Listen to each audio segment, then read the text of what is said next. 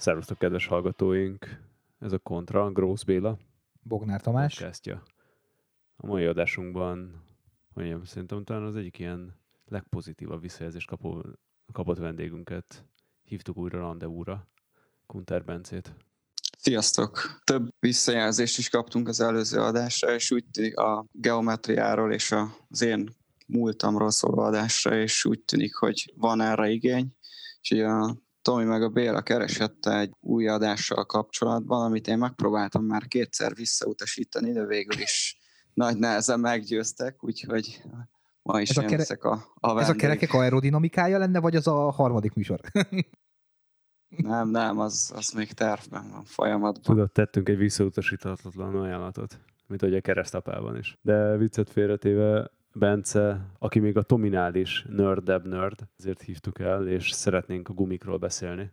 Na most nem azokról a gumikról, attól függően, hogy mikor hallgatod, és hogy milyen jelentőséggel bírnak, mert legtöbben teljesen adottnak veszük, hogy jó, van két kereke, van azon valamilyen gumi, olyat, amilyet rászereltek, aztán amikor elhasználod, akkor lecserélem, de nagyon értékelik azt át, és szerintem nagyon komoly bringákon is, hogy maga a gumi az nyilván triviális, hogy azt találkozik az aszfalttal, de ezáltal gyakorlatilag azt befolyásolja majd, hogy nem a legjobban a kerékpárnak a menet tulajdonságait, és ezáltal a kerékpározás élményeit is.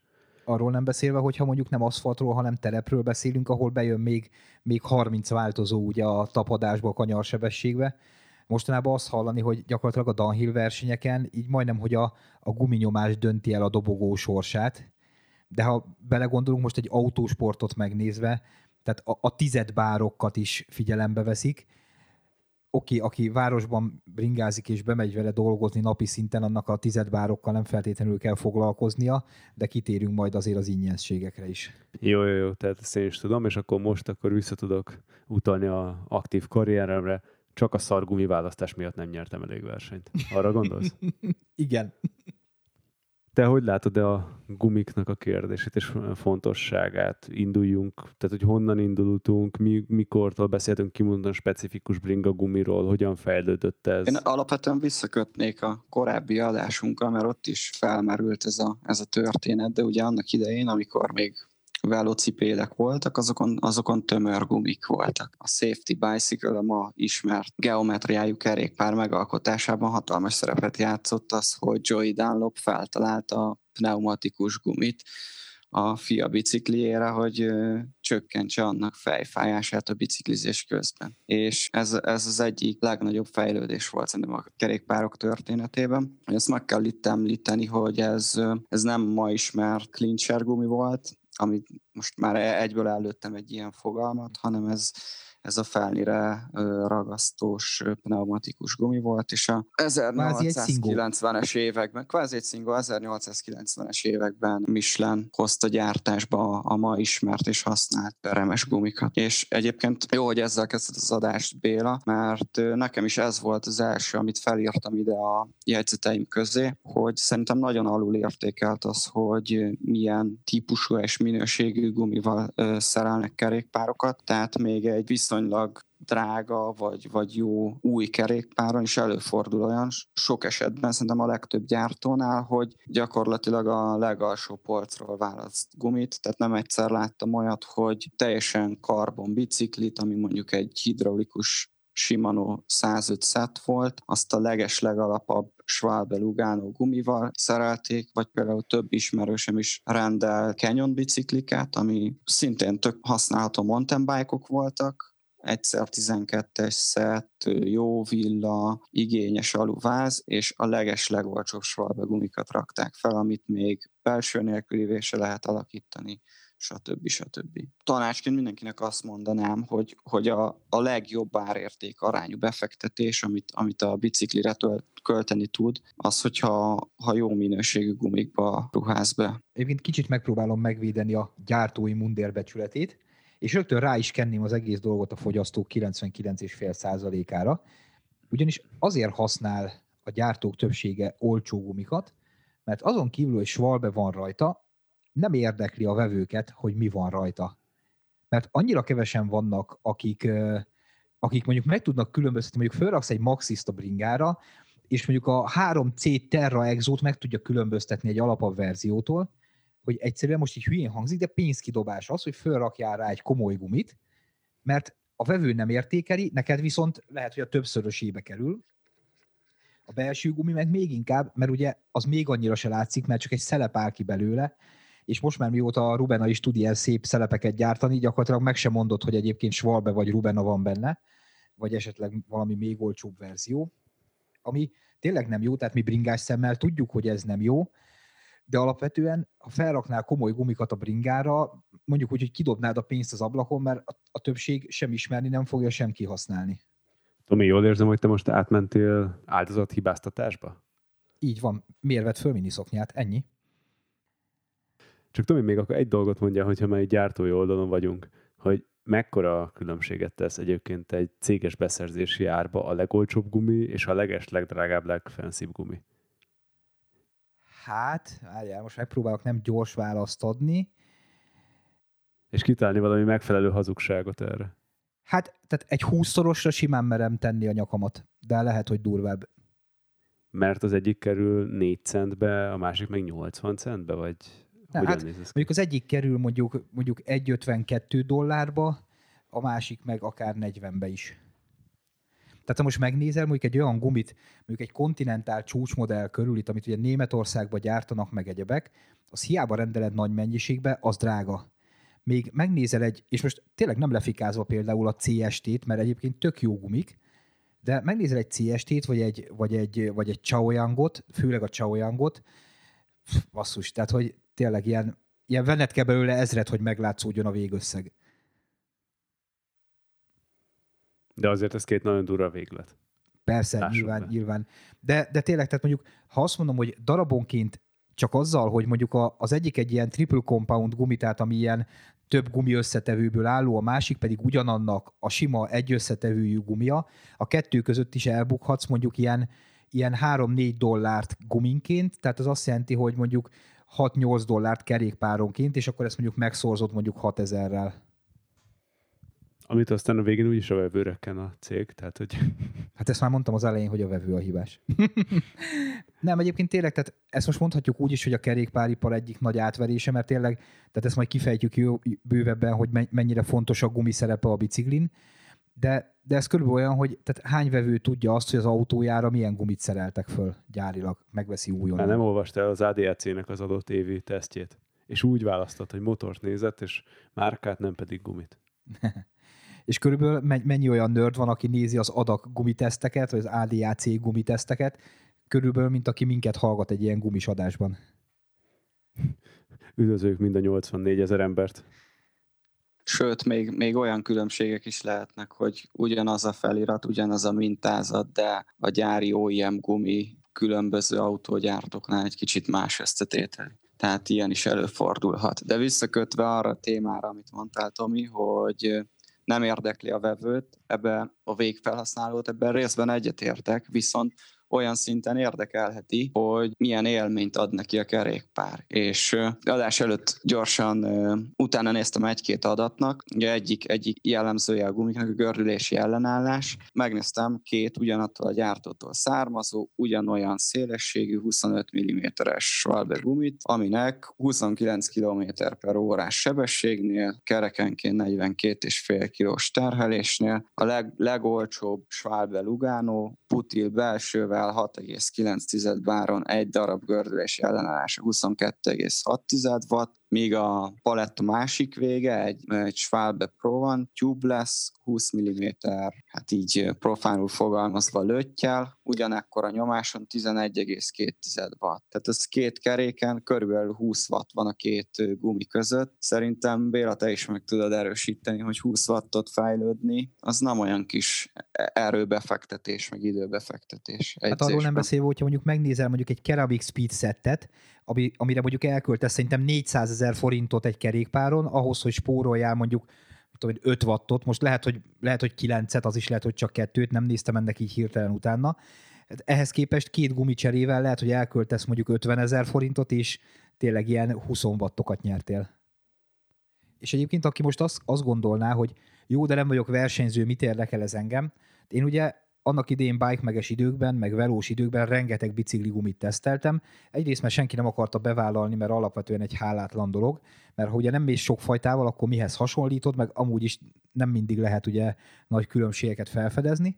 És volt egyszer, kaptam egy ilyen, szerintem vagy, ja igen, nem, olyan volt, mint a Schwalbe maraton, tehát amiben nagyon vastag futófelületi defektvédelem van, de valami olcsóbb gyártótól, Kendától vagy valakitől felraktam a városi melóba járós biciklimre, elindultam Békás megyerről Cseperre, és minthogyha így előtte levő nap egy ilyen komoly edzésen vettem volna részt, és ki lennék fingva, így nem értettem, hogy mitől van az, hogy valószínűleg nem halad a bicikli.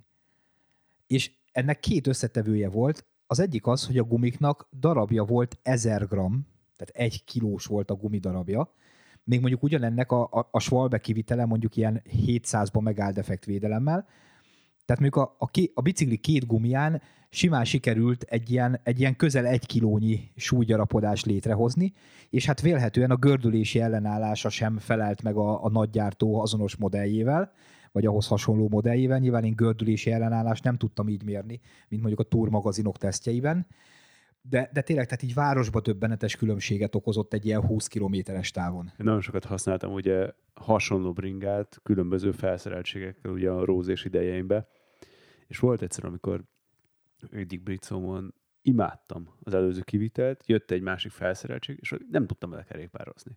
Tehát, hogy ugyanaz a kanyar, értelmezhetően lepattogtam az ívről, nem értettem, és nem volt jó az a bicó, és akkor jöttem, hogy ja, aha, mert ennek nem olyan oldalfal szerkezete van, és sokkal keményebb a keverék, és hogy ó Istenem, úgyhogy lecseréltem onnantól meg békesség honolt Hobbit földön. De kezdünk megint itt elmenni a sztorizásba, meg a ventilálásba, úgyhogy elnézést minden egyik hallgatóért, itt kiadjuk munkból a frusztrációt. Kicsit struktúrálódjunk, srácok.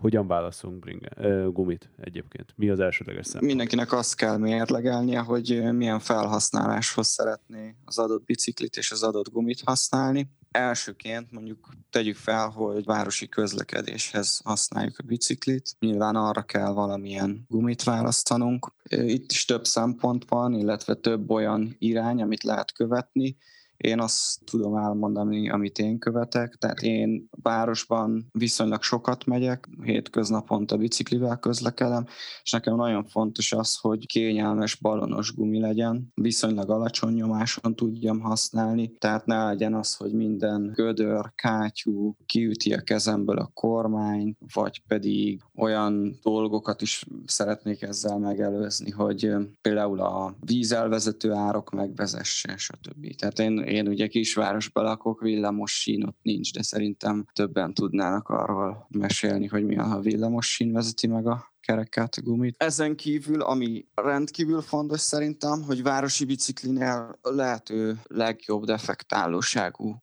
gumit válasszunk. Tehát velem is előfordult olyan, hogy mentem munkába, nem is egyszer országútival, mert az volt kéznél, 23-as gumikkal, és akkor jött a kátyú, puff. Úgyhogy a munkanap az defekt szereléssel indult. Legtöbb esetben azért szerintem megéri azt a plusz pár grammot, hogyha egy kicsit strapabíróbb gumit választunk, választunk. Egyrészt időre odaér az ember, hogyha nem kap defektet, másrészt főleg télen vagy ilyen latyakos úton nem a legkellemesebb defekt, defektet szerelni, főleg, hogyha fönn van a biciklin a sárvédő, fönn van mondjuk egy agyváltó, lámpaszert, agyváltó. amihez agyváltó, ahhoz a dinamó, szóval komoly, komoly időt el lehet veszteni. Egyébként itt a ballonos gumit, ahogy említetted, sok ember azt hiszi, sőt, régen én is azt hittem, hogy minél vékenyabb, vékonyabb és kopaszabb egy gumi, annál jobb lesz a városban, mert annál jobban fog haladni.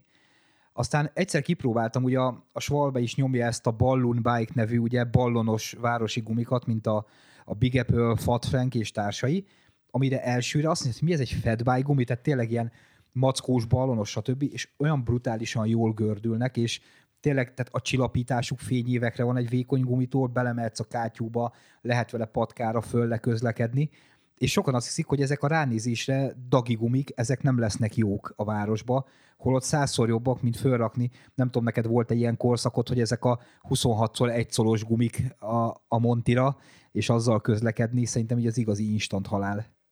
De hogy szóba hoztatok a ballonosat, szerintem a hallgatóink kedvéért érdemes lenne jobban kibontani, mitől lesz ballonos gumi, meg mekkora mérettől ballonos egyáltalán. Ez mondjuk attól is függ, hogy milyen bicikliben nézzük, mert egy országútiban már a, a 27-29-es szélesség már simán lehet ballonos, még egy trekking bringában mondjuk egy, egy 47-6-22-es gumi is simán jó tud lenni, főleg amerre a mostani trekking trendek mennek, hogy 29-szer 2 szoros terepgumi, mert az jó, azt szereti a nép. Srácok, mi történik, hogyha elhagyjuk a várost? És ott milyen szempontok alapján kell választani, hogyha mondjuk terepre tévednék, nehogy Isten. Használtam ugyanazt a ballonos gumit, hiszen az azt mondtátok, hogy az jól csillapítja az utat. A város az jó esetben egyenértékű azzal, hogy aszfaltozott utak vannak, viszont hogyha elhagyjuk a várost, vagy elhagyjuk az aszfaltozott utakat, akkor ami jelentős különbség, hogy a gumi és az útfelület között jellemzően csökken a súrlódási együtt. És valamilyen módon ezt, ezt ellensúlyozni kell, ami kevésbé exaktul megmondható itt, hogy, hogy mi az a gumi, amit mindenképp használjon az ember. Ugyanis nagyon függ attól, hogy milyen a talaj, hogy az döngölt föld, hogy az saras, hogy az havas, hogy az murvás, ezeknek mind-mind más a tapadási együtthatója, a sullodási együtthatója. Gyakorlatilag a bringástól függ az, hogy ő mekkora tapadást érez kényelmesnek, vagy mekkora az, amivel még azt tudja mondani, hogy biztonságosan érzi magát, és uralja a biciklit. Ugye ami, ami érdekes ilyen szempontból, terepen már lehet, vagy érdemes játszani azzal, hogy különböző mértékű tapadás az első és a hátsó keréken. Aszfalton ezzel nem igazán szokott varja lenni, mert, mert nincs, nincs nagyon értelme, viszont terepen, ami ugye szerintem a legtöbbünk által preferált, hogy az első kerék, amit kormányzok, az tapadjon, a hátsó pedig bizonyos esetekben még hasznos is tud lenni, hogyha hogyha meg megcsúszik, vagy meg lehet csúsztatni időnként. Nyilván kontrolláltam. Akkor az explorokat mutattuk be, akkor egy ilyen murvás úton mentünk, és a, hát majdnem teljesen slick VTB Horizon gumik voltak fönn. Azért tudom, a, akkor már tíz éve biztos bicikliztem, lehet, hogy több, és egy ilyen hosszú elnyújtott murvás kanyar volt, amiben elég komoly tempóval mentem vele. Nem is lett volna gond, csak egyik kolléga az keresztbe vágott előttem. És ott, ott jött el az a pont, amikor a kanyarodás közben a ráfékezés már nem, nem igazán volt opció, azért csak is lett a gatya, de nem, nem estem el szerencsére, meg őt se vittem el. Azért szép lett volna, hogyha letarolom a bemutató során a vendégeket. Igen, pont ehhez akartam hozzászólni, az, hogy én például nem vagyok bajban, ha ilyen saras köves terepen kell menni, mindaddig, amíg nincsen nagyon nagy tempó, tehát mondjuk ilyen rövid meredek technikás, de például emlékszem így az első élményekre, így a Gardatavi maraton, meg, meg az ilyen nagy osztrák Montis maratonok, ahol ugye a sottelen a, ezen a murván kell menni, és gyakorlatilag én magamat egy aránylag jól lejtőző embernek gondoltam, mindaddig, amíg Murvára nem mentünk, és ezek a igazi német meg osztrák shotterkingek egy ilyen 70-es tempóval nem sodródtak el mellettem.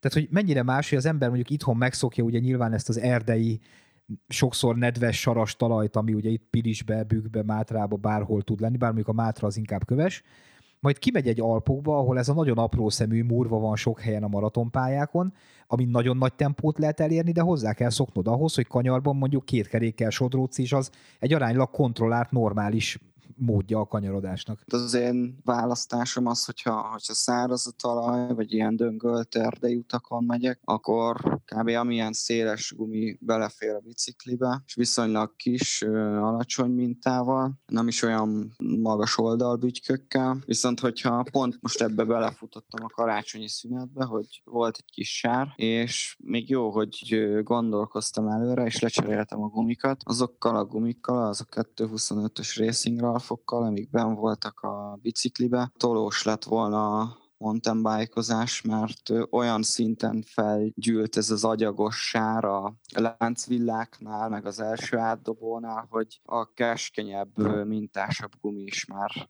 nettesen forgott el. Illetve abban az esetben, hogyha valami ilyen saras, vagy pedig agyagos részen megyünk, akkor arra is érdemes gondolni, hogy ez a, ez a sár, vagy ezek a szemcsék, ezek nagyon abrazív, koptató hatásúak, és mondjuk egy három-négy órás biciklizés alatt is elég szépen le tudja koptatni a váznak a festését, vagy akár még a karbont is, hogyha karbon biciklink van, azt is el tudja kezdeni lecsiszolni. Nem is kell messzire menni, nem tudom, nézted a videót, amit Antival csináltunk a Totálkárra, ez a e-bike kontra hagyományos kerékpár terepen, és ott volt az, hogy Anti bevitt egy olyan részre, ahol ez az igazi ilyen agyagos dzsuva volt, de ugye én mentem az e-bike 80 Nm nem kérdez, tehát ameddig tudtam hajtani a bringát, így éreztem, hogy így sok a sár meg egyebek, de nem volt gond. Majd egy helyen így megcsúszott a hátsó kerék, le kellett szállnom tolni, és akkor jöttem rá, hogy nem tudom tolni. Tehát abban a másodpercben beragadt az egész hátsó kerék, ugye nem tudott már elforogni, úgyhogy így húztam magammal a 35 kilós biciklit már így sárral együtt, és mondtam Antinak, hogy elásom itt valahol az erdőben, tehát hogy és, és tényleg nyomokat hagyott egyébként belül a karbon támvillán is, és ott utána el is mondtam a videóban azt, hogy tehát a 2.8-as gumi az tök jól hangzik egy bike parkba száraz időbe, de mondjuk nem a pirisben, sárban. Ja, pont ugye ez az ellentmondás egy e hogy annak érdekében, hogy minél komfortosabb legyen, jó széles gumit raksz fel, viszont hogyha nem ideális 24 fok, kicsit beborult ég, membringázol, akkor viszont íratlan tud szívni vele, hogy ott teljesen összedzsúvázza a bringát, szétcseszi a lakkot, és plusz be is fog ragadni, aztán ott forog neked a 50-80 Nm össze-vissza. Hát az első lázterelőt azt le is törte a picsába, azzal nem volt gond, és igazából el is mondtam a videóban, hogy tehát a vevői igények afelé mennek, hogy legyen ballonos, brutális gumia, főleg a mountain bike-okon, mert az olyan biztonsági érzetet ad meg minden, és ez mindaddig jó, amíg a bringát esetleg nem akarod olyan helyen használni, ahova tervezték eredetileg, és mondjuk az kap egy kis esőt. Nekem is évekig fönn volt a 225-ös gumi, és úgy voltam vele, hogy hát a sárban akkor inkább nem megyek ki biciklizni. És az az érdekes ebben, hogy ki kell menni akkor is, hogyha sárban, mégpedig azért, mert ott lehet a legjobban megtanulni azt, hogy mi az, ami még elfér, mi az, ami esetleg necces szituáció, hogyan reagálja le az ember, és sokkal kisebb rizikóval, vagy sokkal kisebb kárral, mert lassabban előjönnek olyan helyzetek, vagy olyan megcsúszások, amiket az embernek korrigálja. És tök hasznosnak tartom azt, hogy mondjuk a karácsonyi szünetben három-négyszer kimentem a saras időbe, és gyakoroltam, tól eltekintve, hogy mondjuk egy óra biciklizéshez egy óra biciklimosás társult, de én mindenkinek ajánlom, hogyha lehet, akkor menjen ki sárba és gyakoroljon. Egyébként én tökre utálok sárba biciklizni, és most már vagyok elég öreg ahhoz, hogy nem is megyek ki ilyenkor, ha csak tehetem, viszont az egyik legjobb saras élményem, meg pont egy, pont egy Rose Tusker névre hallgatott a Fedbike, azt hiszem az a merevváz, merevvillás Fedbike, és így nálam volt a bringa teszten, és ugye hát a Fedbike-oknak az előnye, ugye amik ilyen 4-5 szolos gumikkal vannak szerelve, mint egy traktor, annak két esetben jön ki, ha nagy hó van, vagy ha nagy sár van.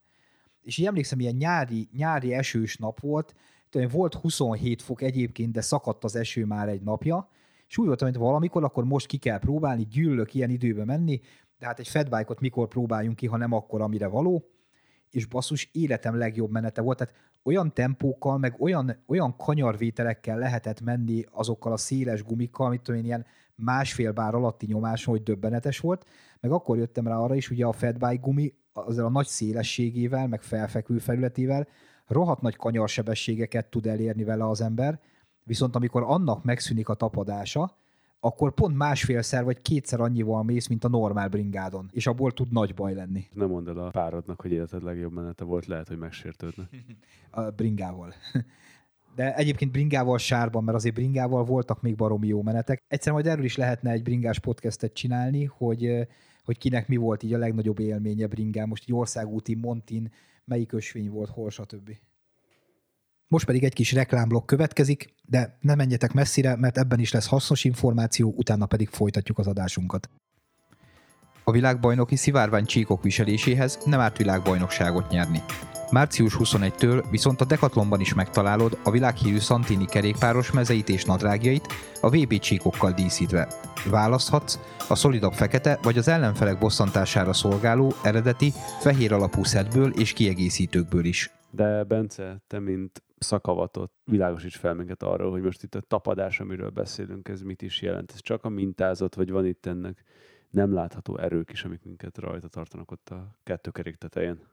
Itt alapvetően autókra vonatkozik, de ö, szerintem érdemes elmondani, mert ö, kerékpárnál és motorkerékpárnál is van ö, létjogosultsága, hogy az a mennyiségű tapadás, az a mennyiségű erő, amit a talajra át tudunk vinni, az egy köríven belül található, ezt a Kamp körnek nevezzük. Svuni Baltkam, német fizikus, hát nem találta föl, inkább találta ki, hogy a tapadás ezen a körön belül találhat. Egyébként nagyon érdekes, mert ez az ember, a Vuni Baltkam, találta föl a csapott szányprofilt is, ezt a Camtailt, szerintem jó pár kerékpáripari gyártó is használta ezt a kifejezést a, az aero csöveinek megnevezéséhez. Scottnál biztos emlékszem, hogy volt ilyen, és hát ugye ezek a csapott hátú autók is kvázi ez az aerodinamikai felfedezésnek köszönhetőek.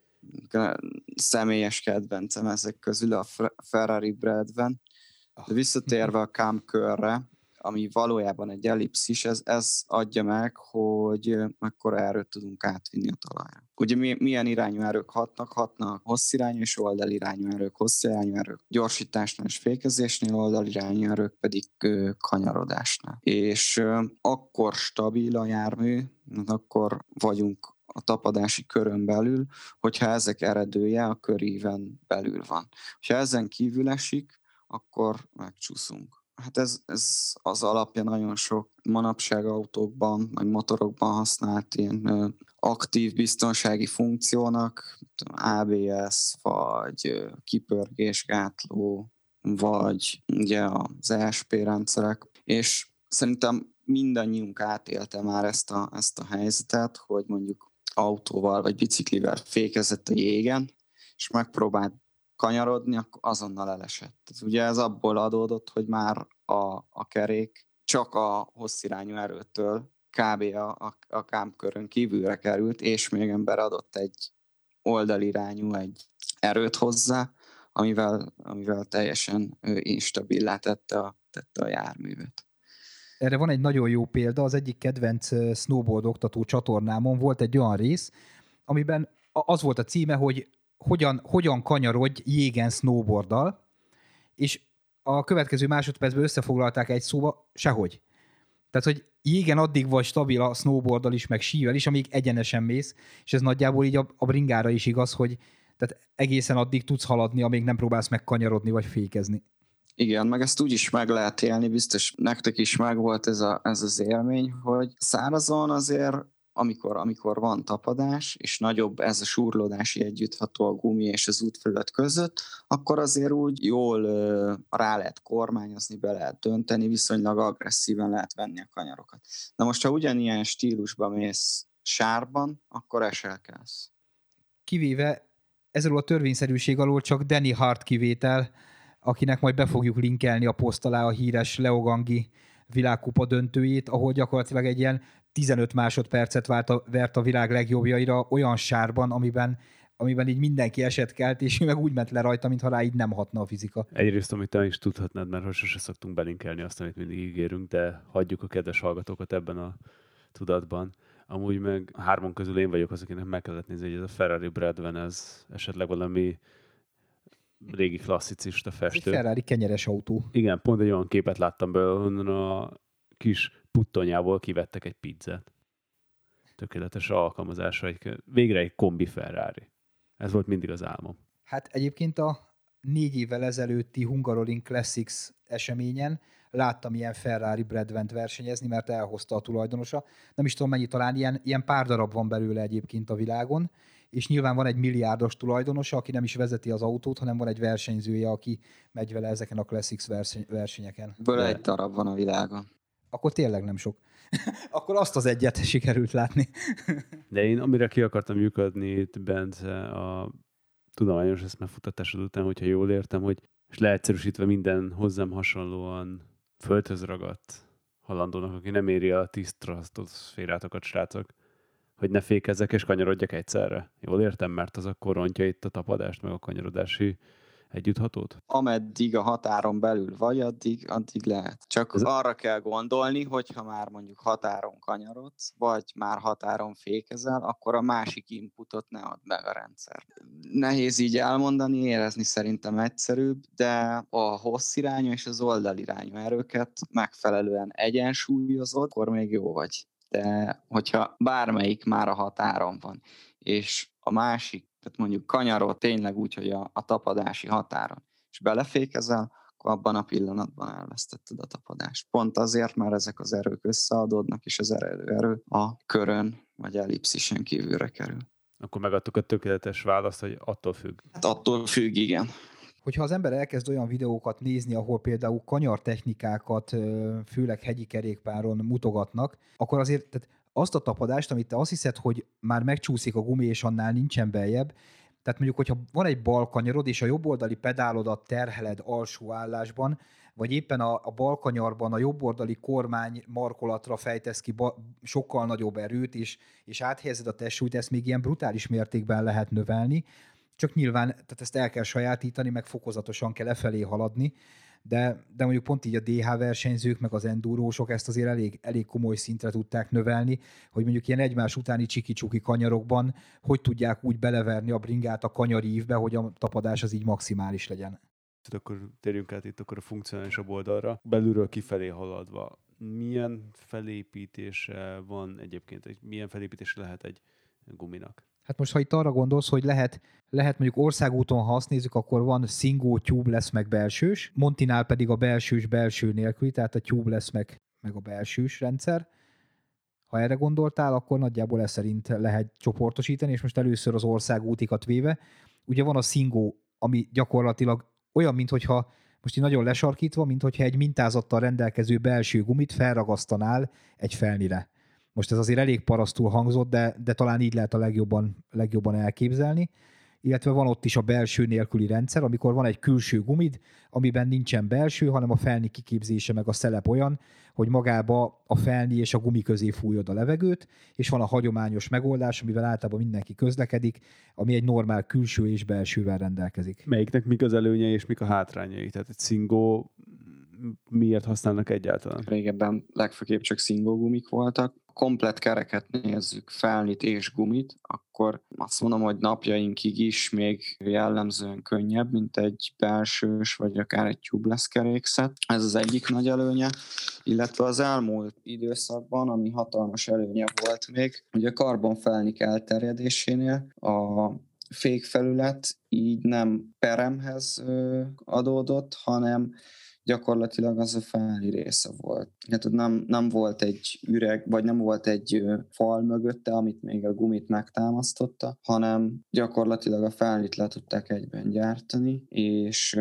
a gumit azt ugye ebben az esetben ráragasztották a fálira. Legfőképp a, a manapság szerintem a profi mezőnyben használják, de ott is látható, hogy páran kezdenek átállni belső nélküli, bizonyos esetekben belsős kerekekre, Profiknál ugye a legnagyobb hátrány az, hogy ezt rendkívül összetett és, és viszonylag egy, egy halandónak elég nehéz felgumizni, összeszerelni, mert volt szerencsém szingos kerekeket összerakni, mikor a céghez kerültem, a 3T-hez kerültem, akkor az első feladataim egyike volt, hogy jött 20 szett kerékszett az új kerekek közül, abból nem tudom, 5 vagy 6 szingos, többi peremes, és akkor az volt a feladatom, hogy akkor azokat szereljem össze. Életemben akkor szereltem először szingos kereket. Sokkal több figyelmet, sokkal nagyobb precizitást, meg tudást igényel, mint egy hagyományos belsős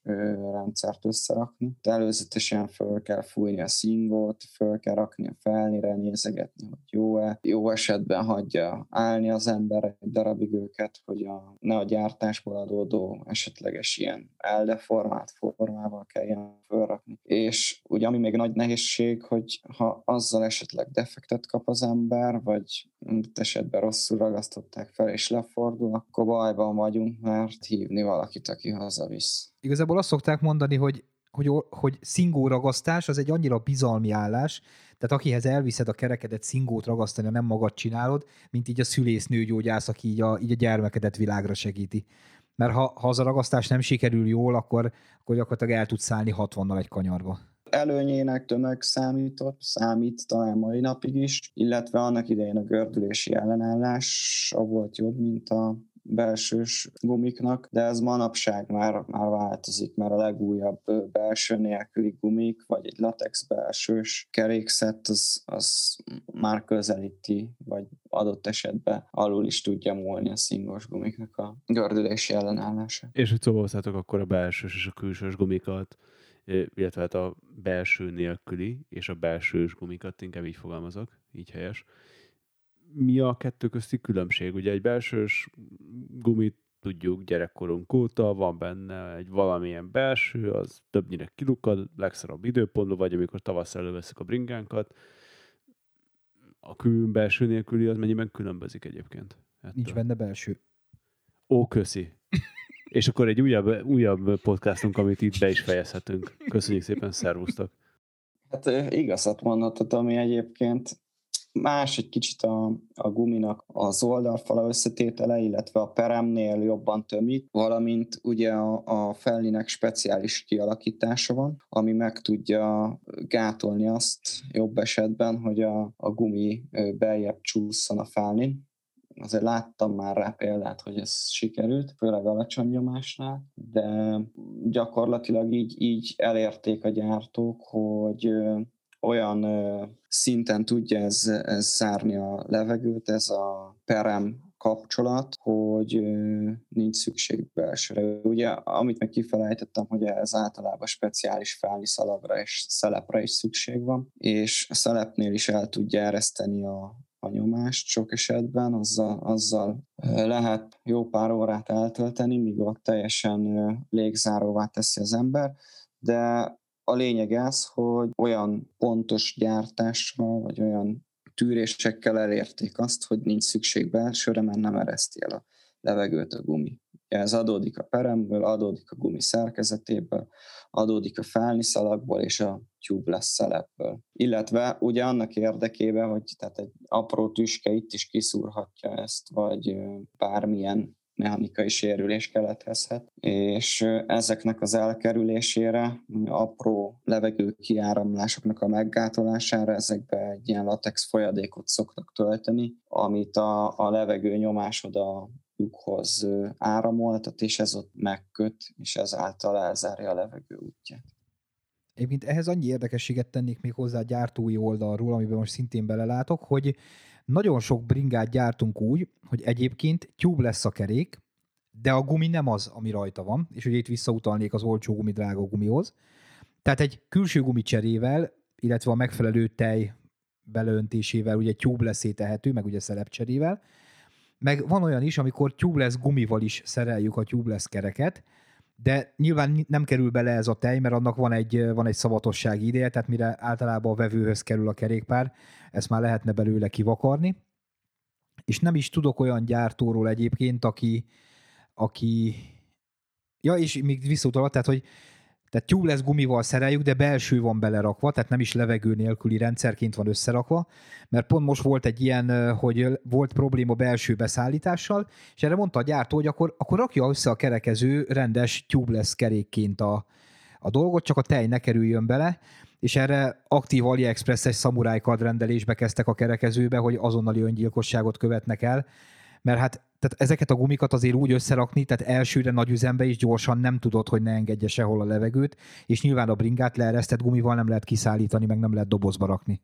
Tehát sokszor meg kell nézni annak a bringának, amit rendelsz a specifikációját, mert simán lehet az is, hogy tubeless kerékkel van szerelve, de a gumi nem az rajta, vagy az is lehet, hogy a gumi is az rajta, csak belsővel van összeszerelve, meg van az a módszer, amit például a Giant is csinál, hogy mellékeli mellé még a szelepeket is, meg a tejet is a dobozba, és amikor valaki azt szerint akarja összerakni, azt megcsinálja neki a szervíz vagy otthon. Érezhessétek, hogy ez mennyi időt vesz igénybe. Annak idején, utána az első között használtunk Magyarországon így ezt a teljes meg ezt a latex emúziós megoldást, aminek tényleg az volt a lényege, ugye, hogy a légnyomás által ezeket a pórusokat a gumiban eltömítette, és ezáltal, hogyha mondjuk valami átszúrta, akkor szépen ugye ilyen belső tömítőrendszerként ott funkcionált. Na ezt, amíg egyszer megcsináltad, ez egy olyan, ha szerencsés volt egy olyan 20 perc, hogyha nem, akkor olyan kettő kötője három és fél órát el tudtál tölteni a fürdőszobát, ami után az édesanyád elég dühös volt rád, mert hogy a fal is latexes volt, elpattogtattál mondjuk egy 6-8 darab ö, széndiokszid patront, és a vége csak az lett, hogy ott hagyta dzsúváson a fürdőszobát, beültél a hármas golfodba, felgurultál a következő benzinkútig, és ott teljesen megszégyenülten próbáltad meg egy kompresszorral bedobálva a százasokat felfújogatni a kerekedet. Hát erre nekem Bencével van egy közös élő sztorim, amik ott aludtam nála, hogy elmegyünk bringázni, és akkor mondta, hogy annyi még, hogy reggel gyorsan tubeless a kerekeit a gravel bringába, és akkor, akkor mehetünk is. Én mindig is utáltam a tubeless kerekeket, sose volt vele szerencsém, tehát egy ilyen reggeli után egy ilyen, szerintem egy ilyen 9 óra magasságába kezdtél neki, Bence, és azt hiszem dél fél egy környékére a két kerék össze is állt. Teljesen jó szerintem. De egyszer kell összerakni. Azt az, azóta csak a, csak a tejet töltöttem rá igazából. Nem, egyébként ott szokott elmenni a dolog, hogy bizonyos felnik, bizonyos gumikkal nem annyira kompatibilisek, hány réteg tubeless szalagot használ az ember. Még ez is lehet vele játszani, de a, a szelep. Tehát a szelepnek a tömítése az, az, az a legnagyobb nehézség szerintem. És illetve az oldalfal tűrések, mint ugye a Scott teszt alatt kint a média dészen, ahol sikerült betonon driftelnem. Most pedig egy pár másodperc reklám következik, mindez a kerékpárod érdekében. Lehet, hogy egész télen használtad, de az is lehet, hogy rá sem néztél hónapok óta a bringádra. Minden esetre most már 990 forinttól találsz a hozzád legközelebb eső dekatlonban olyan karbantartási termékeket, amivel a bicódon magad is el tudod végezni a legfontosabb szervizbeavatkozásokat. Ne késlek egy, a kerékpárod fogja meghálálni. Tehát összefoglalva azért itt a belső nélküli rendszerek nek nyilván itt a defektűrés az elsődleges szempontja, de hogy mondjam, én nekem a tapasztalatom az ezekkel a gumikkal, és nem tudom, hogy ti hogy látjátok, hogy tök jók ezek a belső nélküli rendszerek abból a szempontból, hogy kevesebb defektet kapsz vele. Tehát, hogy csak ránézünk egy bubira, ahol a világ összes húzalát belerakták az oldalfalakba és a futóföldetbe, hogy ne kapjon defektet. Tehát nem lesz olyan tőle a bringának a viselkedése. Tehát, ha jól tudom, a tömörgumi van a, a bubis bringákba is, és futárok próbálkoztak ezzel a Tannus nevű márkával, mert ugye egy futár az még többet kap defektet, mint egy, mint egy átlagember, hiszen napi 80-100 kilométert kint vannak a, a városi utakon. De egyszerűen tehát nagyon gyorsan is kopik, meg nem jó a rezgés csillapítása, tehát hogy alapvetően oké, defektmentes, mert, mert ugye tömör, nincs benne belső, meg nincs benne levegő, de nagyjából ezen kívül csak hátránya van. Igen, az egy, egy száz évet visszamegyünk az időbe fejlesztésbe, és akkor megérkeztünk a tömörgumihoz. Belső nélküli rendszereknél is egy ilyen picit puhítottabb verziója van ennek a negatív hatásnak, ugye? Én, az én véleményem az, hogy mountain bike-nál abszolút jól működik.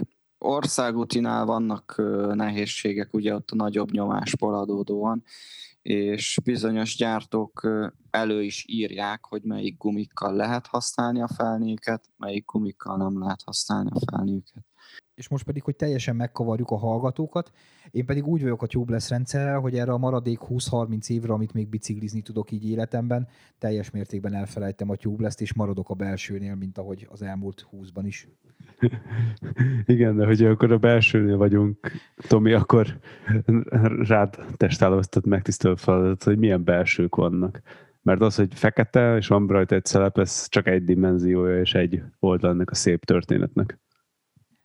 Hát ugye, én, végig szem, szenvedtem mondjuk úgy a, a belső összes lehetőségét, tehát egyrészt az ember egy idő után rájön, hogy oké, okay, hogy lehet kapni nagyon, nagyon olcsó belsőket is a boltban, és amikor főleg rengeteget megy az ember egy évben, meg versenyzik egyebek, akkor, akkor azért belsőre szemmel látható összeget el lehet költeni. Viszont a nagyon olcsó belsők azok általában baromira nehezek is, amik nem csak súlyukkal, hanem gördülési ellenállásukkal is rontják ugye a bringázást. Nekem, ami, ami nagyon, nagyon jó volt, ugye azok a latex belsők voltak, annak idén a Michelin jött be Magyarországra először ezekkel a zöld színű latex belsőkkel, aminek igazából a hátránya az volt, hogy álló helyzetben is eresztette a levegőt, tehát mondjuk hetente egyszer vissza kellett fújni arra a nyomásra a belsőt, amin, amin bringázni szoktál, viszont egyszer egy ilyen királydínyés szakaszon mentem át vele, és otthon így reggelre leengedett, leengedett mind a két gumi, és aztán nem is tudom, ilyen 20 valahány darab királydínyét szedtem ki belőle, Tehát egy normál belsővel nem értél volna haza ugyanezzel a, ugyanezzel, tehát egy sima belsővel nem értél volna haza ennyi tüskével. Tehát én, én a latexet nagyon szerettem, a tubolítót viszont nem próbáltam. Nem tudom, Bence, te mentél tubolítóval?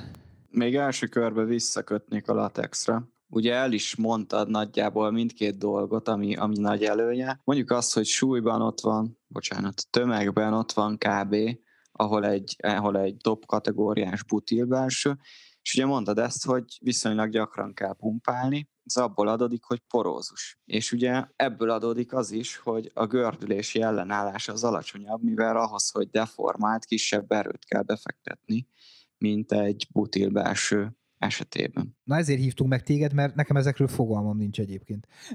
Viszonylag egyszerű, mert ugye, hogyha, hogyha volt már kezedbe latex belső, meg butil belső is, akkor, hogyha mondjuk a üvelykújaddal elkezdted benyomogatni, akkor nyilván a latex gumit könnyebb volt benyomni. Ugyanezt történik, ahogy, ahogy gurulsz az úton, ugye ahogy gördülsz, vagy esetleg valami kisebb akadályokon, kövön, mit tudom én, útegyenletlenségeken gördülsz át, ugyanezt történik. A butilt nehezebb benyom, benyomni, több energia veszik el vele. Tubolítóval nincs tapasztalatom, lehet, hogy most ellenem hadjárat indul, de én a tubolítót ellenzem, nem tartom egy jó megoldásnak. Teszteket olvastam azzal kapcsolatban, hogy milyen a gördülési ellenállása, hát nagyságrendileg a, a butil belső környékén van, viszont nagyon könnyű, tehát ezek ilyen, azt hiszem a legkönnyebb az ilyen 25 g környékén van, a igen. normál, az 40-50 g, de ami, amivel ezt elérik, az, hogy műanyag szelep van, és műanyag szelep maggal. Na most ugye a,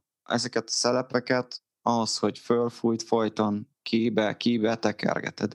Na most a műanyag menet az, az nem egy életbiztosítás, meg nem egy hosszú távra alkalmazható jól alkalmazható megoldás, és hallottam több esetben, hogy ezek a műanyag szelepek, meg szelepmagok, ezek egyszerűen kikoptak. A másik nagy hátrányuk az pedig az áru. Tehát nem tudom, egy tubolítóból biztos tudsz venni jó pár latex belsőt, aminek jobb a gördülési ellenállása. Kicsit nehezebb, de én abszolút latex párti vagyok. Egyébként érdekes, mert a tubolítóval kapcsolatban nagyon sok ismerősöm használja, és gyakorlatilag kicsit olyan, mint, a, mint az iPhone kontra Android, vagy az iOS kontra Android, hogy tehát vagy isteníti valaki, vagy gyűlöli. Tehát, hogy nem olvastam a kettő közötti átmenetet, tehát valakinek vagy baromira bejött és imádja, és mindenkinek ezt ajánlja, vagy problémája volt vele és utálja. Tehát, hogy ezt így mindenki tapasztalja meg maga szerintem, hogy, hogy milyen lehet. Bár egyébként érdekes, mert a, a Schwalbénak is ugye most jött ki egy ilyen, talán uretánból készült, fú, most ebbe direkt nem merek belemenni, mert majd megírják a trollok, hogy mennyire tévedtem megint, de hogy van egy ilyen nagyon ultra könnyű belsője, nem tudom, hogy az mennyibe hasonlít a tubolító rendszerhez. Az a jó ebbe a podcastban, hogy mindig olyan gyönyörűen fel vagyunk készülve az anyagokból, és a két úr azt felejtett el, hogy BC-nek egyébként volt tubolítója, és van is tapasztalata vele.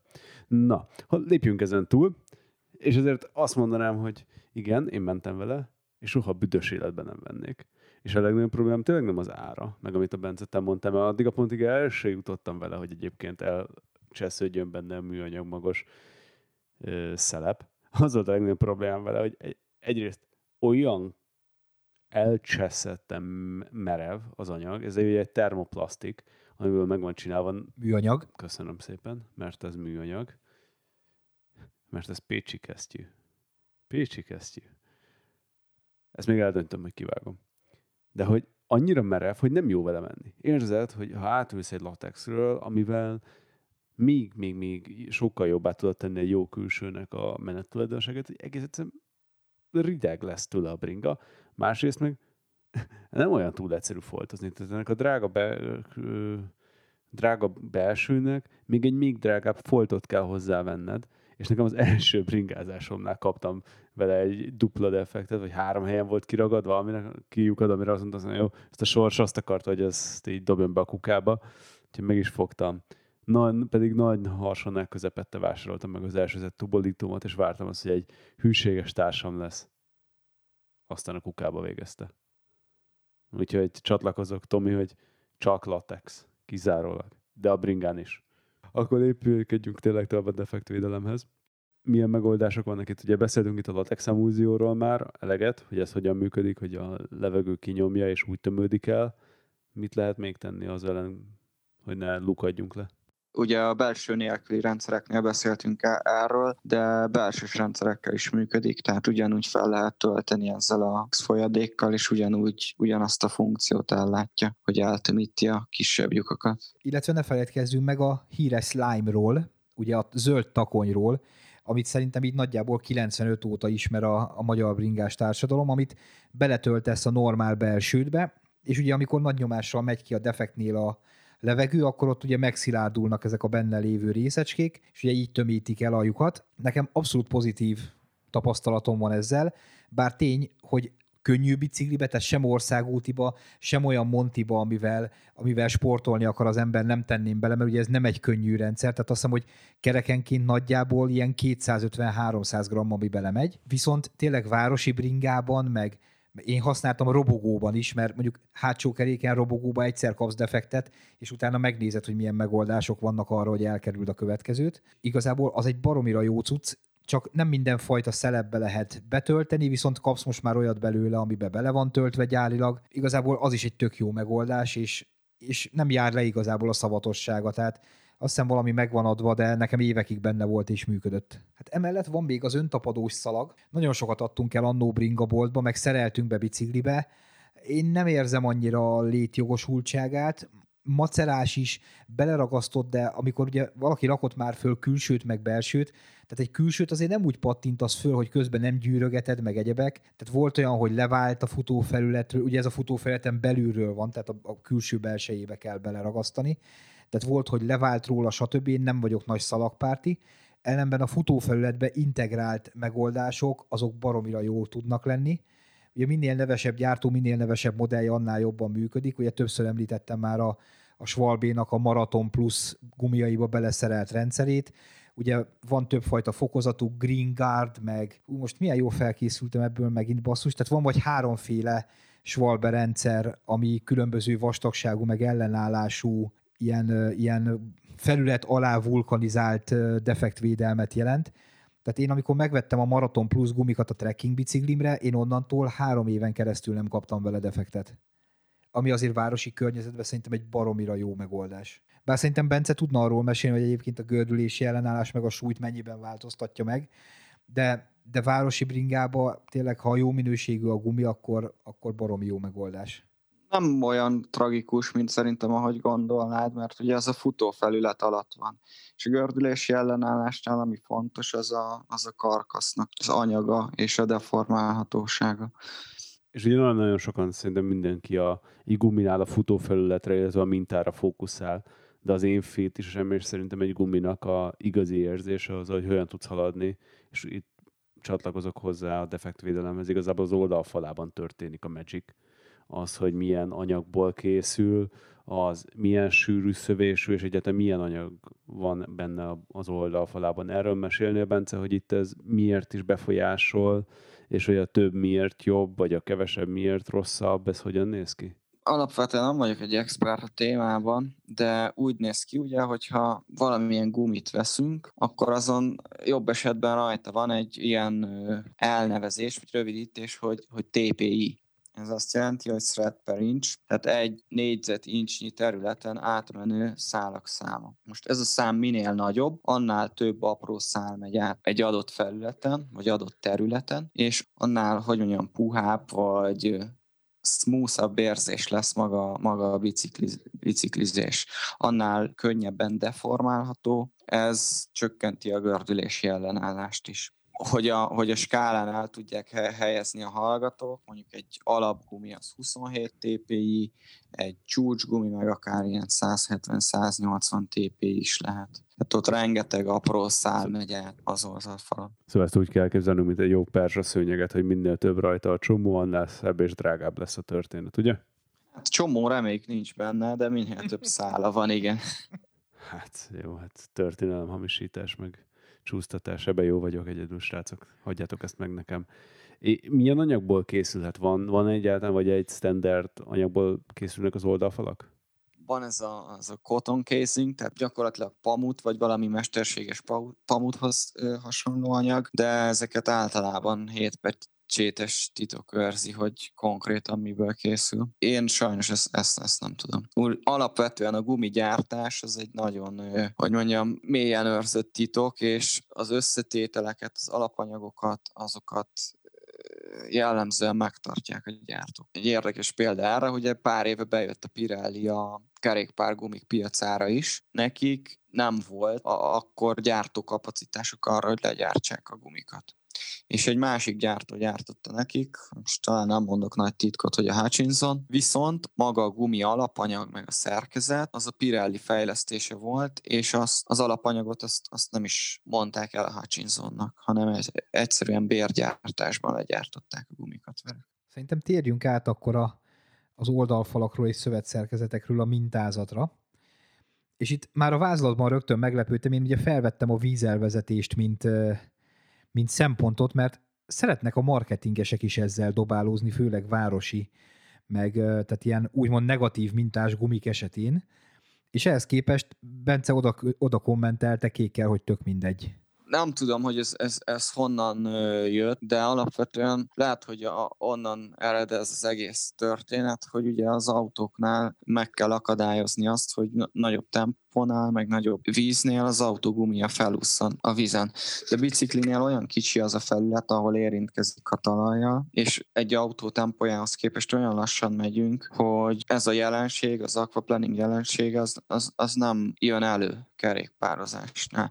Tehát, hogyha aszfalton megyünk, akkor a teljesen slick gumi, amin zero minta van, az a legjobb ugye ott érintkezik a legtöbb anyag, úgymond a talaja, és nincs szükség ilyen vízelvezető vájukra, meg...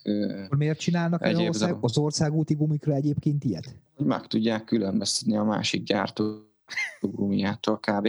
Vagy hogy a marketingesek valamit el tudjanak adni. De hogyha megnézitek csúcsgumikat, tényleg szinte nincs, vagy minimális mintázat van. Én mondjuk Schwalbe Provant használok, a régebbi verziót azon nincs minta vagy a Conti GP 5000, 4000, azon is nagyon minimális minta van. És mi az, ami fontos egy, egy, egy gumi külső felületén? Milyen, milyen funkciók?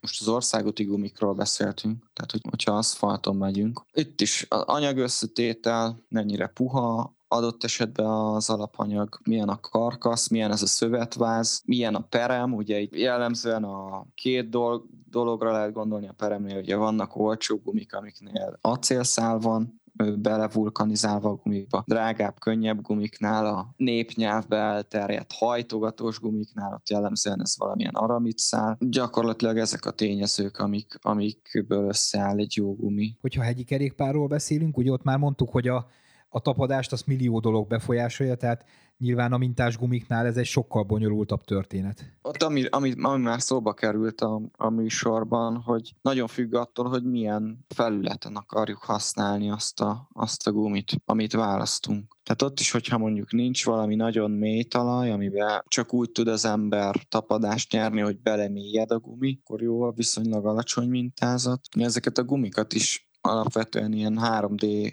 tervező programokkal tervezik, és kipróbálnak különböző mintákat. Láttam 3D nyomtatott, nem teljes gumikat, de gumifelületeket is, illetve próbálják azt optimalizálni, hogy az adott felülethez mi az a mintázat, amivel megfelelő tapadás van, de még nem száll el teljesen a, a gördülési ellenállás, vagy pedig ez, ez az érzet, hogy traktor, olyan, ember, olyan az embernek mennie vele aszfalton. Tehát ezt valahogy ki kell tapasztalni az embernek, hogy mi az, ami, milyen körülmények között használja a gumit, és mi az a szintű tapadás, amit mondtam, ami, amivel ő biztonságosnak érzi még magát. Hogyha, hogyha választani kellene egyébként a lehető legjobb, tehát egy olyan kompromisszumba kellene belemenni, hogy megkapod a lehető legjobb keveréket, de a lehető legrosszabb mintát, vagy a legjobb mintát a lehető legrosszabb keverékkel, akkor melyiket választ az ember? Mind a kettő nagyon sokat számít. Itt térnék vissza arra, hogy szerintem a, a gumi a legjobb beruházás árérték arányba biciklire. Tehát, hogyha jellemzően azért ismeri az ember azt a környéket, ahol biciklizik. Én mondjuk tudom, hogy a, azokon a helyeken, ahol 90%-ban megyek, ott általában milyen talaj, milyen, mekkora kövek vannak, stb. stb. És arra magamnak tudok választani egy olyan optimumot, ami viszonylag jól tapad, ha aszfalton kell vele mennem egy kicsit, akkor sincs gond. Én alapvetően a gyors gumikat szeretem, de el tudok képzelni olyan helyzetet is, hogy valaki azt szereti, hogyha több tapadás van, és soha nem csúszik meg a biciklia. Talán a legfontosabb kérdést hagytuk szerintem a végére, ami talán a legpraktikusabb is. Guminyomás. Hogyan lehet belőni az ideálisat? Vannak ökölszabályok, amivel meg lehet határozni, hogy oké, okay, országúton, trekkingbringen mi az ideális, és mountain bike-on mi az ideális? Kezdjük akkor azzal, hogy ha aszfalton megyünk, akkor nagyon sokáig, talán a, a 2000-es évekig az a, az a tézis állt, és fizikailag meg is magyarázta, hogy minél nagyobb a nyomás, annál kisebb lesz a gördülési ellenállás. Ugye ennek az a, az, az oka, hogy kevésbé deformálódik maga a gumi. Viszont 2000-es évek közepén fura felfedezésre jutottak azok, akik a gördülési ellenállást vizsgálták, az a Zip volt, illetve Tom Anhalt nevű úgymond lelkis amatőr, arra jutottak, hogy bizonyos nyomás fölött hiába növelték tovább a nyomást, valós körülmények között, tehát rendes aszfalton, vagy kicsit érdesebb aszfalt felületen, minél nagyobb, egy ponton felül minél tovább növelték a nyomást, annál nagyobb lett a gördülési ellenállás. És különböző teszteket is csináltak, ennek az oka az, hogy felületi érdesség is befolyásolja a gördülési ellenállást, és van egy pont, ami fölött azzal, hogy tovább pumpáljuk a gumit, gyakorlatilag rontunk a hatékonyságon. Tehát én azt mondanám, Ugye ez, ez attól függ mindenkinek, hogy milyen gumit használ, mekkora a tömege, milyen, mekkora bicikli tömege, stb. Ökölszabályként én azt mondanám, hogy próbálja meg belőni a gyártó által ajánlott minimum és maximum nyomás közé, guminyomás, mondjuk országúton, és a, annak függvényébe gyakorlatilag mehet lejjebb majdnem addig a pontig, ahol, ahol már azt érzi, hogy túl puha, tehát ott kisebb vesztesége lesz, mint hogyha túl fújná a gumit. Ugye ami, ami probléma lehet ebben az esetben, hogyha elérjük azt a pontot, hogy felütéses defektet szerzünk, vagy lefordul a gumi, stb. Egyébként ebben én kicsit egy ilyen Valentino Rossiként üzemeltem. Ugye ő az, aki mindig elmegy addig a határig, amikor elesik, és tudja, hogy attól egy kicsit visszább van az adott kanyarban a sebesség. Tehát, hogy hegyi kerékpárnál mindig azt csináltam, hogy felfújtam a gumira írt majdnem maximum közelébe a kereket, és onnan indultam lefelé mondjuk ilyen, ilyen először félbárral, aztán ilyen két-három tizeddel, még meg nem találtam azt, ami meg már túl kevés. A, a trekking bringáknál, meg országútiknál, meg pont fordítva, ilyen a minimális nyomás fölé fújtam egy kicsivel, és akkor onnantól indultam el fölfelé, hogy hol van az, ahol még így nem fogom felütni, de még kényelmes. Nem tudom, hogy ez egyébként működni tud-e másoknál esetleg.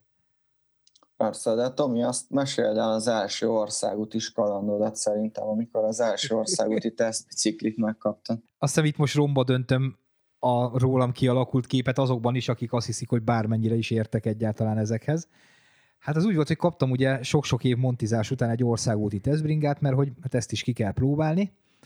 És hát úgy voltam vele, hogy hát az országútit az keményre kell fújni, mint az állat. Úgyhogy megnéztem, mi a maximális nyomás a gumin, majd még arra azt hiszem egy ilyen egybárt hozzárakva felfújtam mind a két kereket, mert hát biztos, ami biztos, ugye ez a jó magyar szokás, hogyha megvan adva 10 Nm, akkor 10 meg még egy kicsi, és akkor így egyszer csak így éjszaka így az előszobába tárult bringának így az egyik gumia így felrobbant, aztán mivel félálomba voltam, úgy nem nagyon foglalkoztam vele, visszaaludtam, majd nyilván felrobbant a másik is, mert a belső nem bírta ezt a nyomást. Akkor így felkúrtam magam, lementem a bringa boltba reggel, vettem két új belsőt, akkor még nem tudtam, hogy az kevés lesz, és akkor felfújtam nagyjából így a minimum közelébe a, az országúti gumit, majd akkor menjünk el biciklizni, és akkor még ilyen kőbánya Kispesten laktam, és gyakorlatilag az első villamos sínen így sikerült így az első hátsót felütni felnig, úgyhogy mind a kettő ilyen felütéses defektet kapva így álltam így az útszélén, és akkor így úgy voltam vele, hogy így a következő 50-es villamos alá így bebaszom a biciklit a picsába, és ez az egész országútizás egy, egy igazi baromság, tehát ha sokat fújok bele, sok, ha keveset, kevés, aztán nyilván rájöttem, hogy ennél, ennél a két végletnél azért vannak, vannak finomabb megoldások is, sőt talán szerintem így a, az országútnál kevés, kevés fontosabb dolog van, mint hogy a nyomás jól be legyen lőve a gumin. E- ezért mondtam, hogy mondjuk a minimum és maximum érték közepéről a kettő közti tartományból induljunk el, és akkor onnantól kezdve van egy viszonyítási alapunk, hogy, hogy merre kell menni. Nyilván, ha azt felütjük, akkor lehet, hogy volt. vagy másik gumit kell választani, vagy kevés volt, de ezért érdemes szerintem a középső tartományból elindulni. Illetve hát nyilván lehet úgy is járni vele, mint, mint annak idején így szintén Garda maratonon. Ugye nem tudom, hogy Bence, te emlékszel rá, de, de a többiek biztosan, meg Béla is, ugye volt a Schwalbe Skinny Jimmy Light Fast Fred Light páros, ugye ezek a 390 g körüli 26x1,9-es méretű külsők, amiket fel kellett fújnod ilyen három és fél négy bára, nyilván testsúly függően, hogy, hogy ne üst föl őket, ott viszont olyan szinten pattogtál vele mindenhol, de az egyetlen előnyük az volt, hogy baromi könnyűek voltak. viszont tehát az ember idővel rájött arra, hogy biciklizhetetlen volt, tehát ha, ha nem voltál egy ilyen 50 kg környéki, 55 kg környéki élversenyző, akkor ezek a gumik neked használhatatlanok voltak. És én leszek itt a műsor végén megint a Uncsi BC, aki majd elmondja mindenkinek, hogy miért nem érdemes a végtelenségig kísérletezni a guminyomással, ugyanis ez egy nagyon-nagyon komoly biztonsági kategória. Úgyhogy amikor te azt érzed, hogy a gyártó által megadott minimum érték is túl kemény neked, és szerinted jobban tapadna, hogyha lejjebb engednéd, akkor gondold újra, és neted elesel, mert amikor és szétszadnak a fogaid, mint egy Bud Spencer filmben, amikor szétszakad a rózsafüzér, akkor majd a gyártót fogod okolni, hogy lecsúszott a felniről a gumi, és ő csak mutogatni fog arra, hogy haver, ezt nem volt eléggé felpumpálva. Igen, és egyébként főleg, hogyha ha nem városba használod a bringát, hanem, hanem montizol meg ilyenek, tehát érdemes beruházni egy olyan pumpára, amin vagy nyomásmérő, vagy én sokkal jobban hiszek ezekben a kis digitális nyomásmérőkben, ahol pontosan meg tudod mérni, hogy mekkora nyomás van benne, mert, mert simán lehetett nekem, voltak olyan külsőim, amik nem voltak defektesek, de egyszerűen engedték egy idő után a levegőnyomást, és azzal, hogy így ránehezkedsz a kormányra, főleg telós bringa esetében, nem fogod tudni szemre megmondani, hogy az a 2,2 bár az már csak 1,8 esetleg, és az első kövön fogod felütni a kereket. Igen, ezzel kapcsolatban van is egy profi mezőnyből egy érdekes sztori, amikor Paris-Roubaix-ra az első carbon zip kerekeket vitték, és felfújták ugyanaz alatt a versenyző alatt, már nem emlékszem, hogy Cancellara volt, vagy Magnus Bakset, lényegtelen történet szempontjából, felfújták ugyanarra a nyomásra, egyik nap végigment vele, talán a pályabejáráson, semmi gond, minden tökéletes, másnap szintén felmúlt, felfújták ugyanarra a nyomásra, első és hátsó kereket is ropira törte. És egyszerűen a, a ZIP mérnökei nem értették, hogy mi, mi okozhat ezt a gondot, mi okozhat ezt a gondot. Már mindent megvizsgáltak, és a végén kiderült, hogy a két pumpa, vagy a két nyomásmérő, amivel ellenőrizték a guminyomásokat, azok pontatlanok voltak egyszerűen. És az a különbség a kettő között, az ilyen eredménnyel végződött. Úgyhogy gyerekek, így a műsor végére bezárólag egyrészt meg szeretném köszönni Bence újra, hogy vendégül láthattunk. Köszönöm szépen, hogy jöhettem. És reméljük, hogy ti is élveztétek, és egy picit tanulhatunk itt a gumint. Nagyon szépen köszönjük, hogy meghallgattatok minket. Hogyha tetszett, akkor nyomjatok egy jó pozitív ratinget, és osszatok meg a barátaitokkal. Jövő héten találkozunk, addig meg vigyázzatok magatokra. Sziasztok! Sziasztok! Kontra!